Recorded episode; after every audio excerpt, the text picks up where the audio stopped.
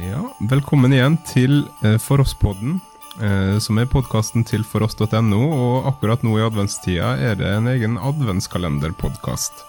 Der hos noen dager snakker om kommende søndags tekst, og andre dager, som i dag, så snakker jeg sammen med Egil Sjåstad om en julesalme. I dag så er det nok en Grundtvig-salme. Det kimer nå til julefest. Egil. Ja, og dette er en salme typisk for Grundtvig.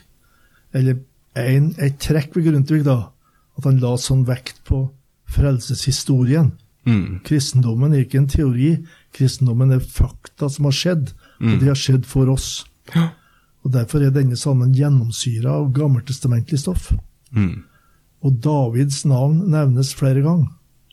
Så det er et eksempel på at, at eh, Grundtvig uh, setter Jesushistorien i det store perspektivet Mm. Eh, som Gud begynte i Det gamle testamentet. Ja. Eh, det kimer nå til julefest. Det er en linje med Messias fra Det gamle testamentet som ender i krybba i Betlehem. Mm. Og han, som det er i Bibelen, la vekt på at faktisk den starter med en kvinne og ender med en kvinne. Ja. For den kvinna det starter med i GT, det er egentlig Ruth. Mm. For Ruth ble stammor til David, og David er stamfar til Jesus og Maria, Jesu mor. Mm. Så i enden av denne rekken av Messias, Messias-rekken, der Messias-linjen, så finner du Ruth på den ene sida, Maria på den andre. Mm. Så kvinnene er sentrale i dette her. Mm. Men rekken er, består jo av kongesønner, da. Ja. Og løftene er knytta til en Davids sønn. Mm. Og det er det som eh, Grundtvig får så fram her. Kom, bli med til Davids by, hvor engler synger under sky.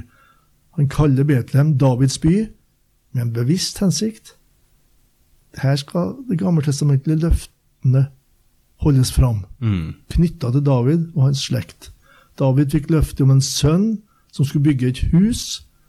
Det oppfylles fullt ut først med Jesus. Mm. Og så blir vi med på Betlehemsmarken her, hvor David gikk og voktet får som salvet rått i unge år. Sant? Mm. Da var han, eh, Før han ble konge. På de markene er det det skjer, dette her. Ja.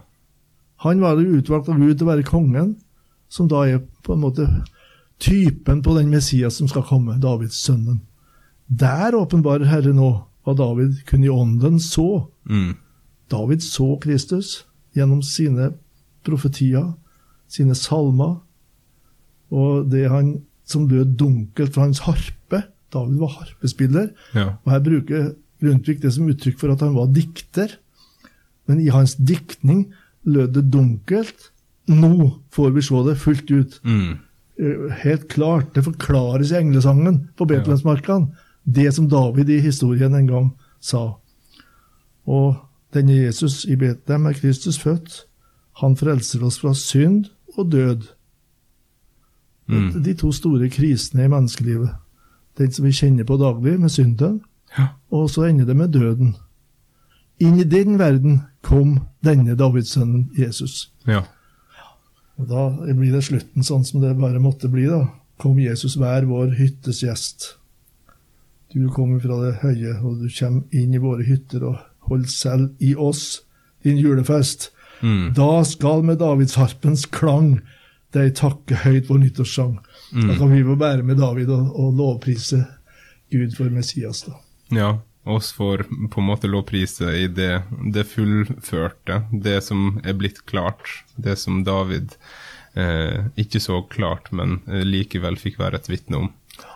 Eh, men som du sa her, da, så er det viktig for Grundtvig å koble eh, budskapet i jula og budskapet i kristendommen ikke bare opp mot teori, men opp mot profetier og opp mot faktiske hendelser. Eh, at dette her er noe som har skjedd, noe vi kan stole på, eh, noe som vi kan hvile i. Takk skal du ha, Egil. Vi er tilbake med en salme på søndag.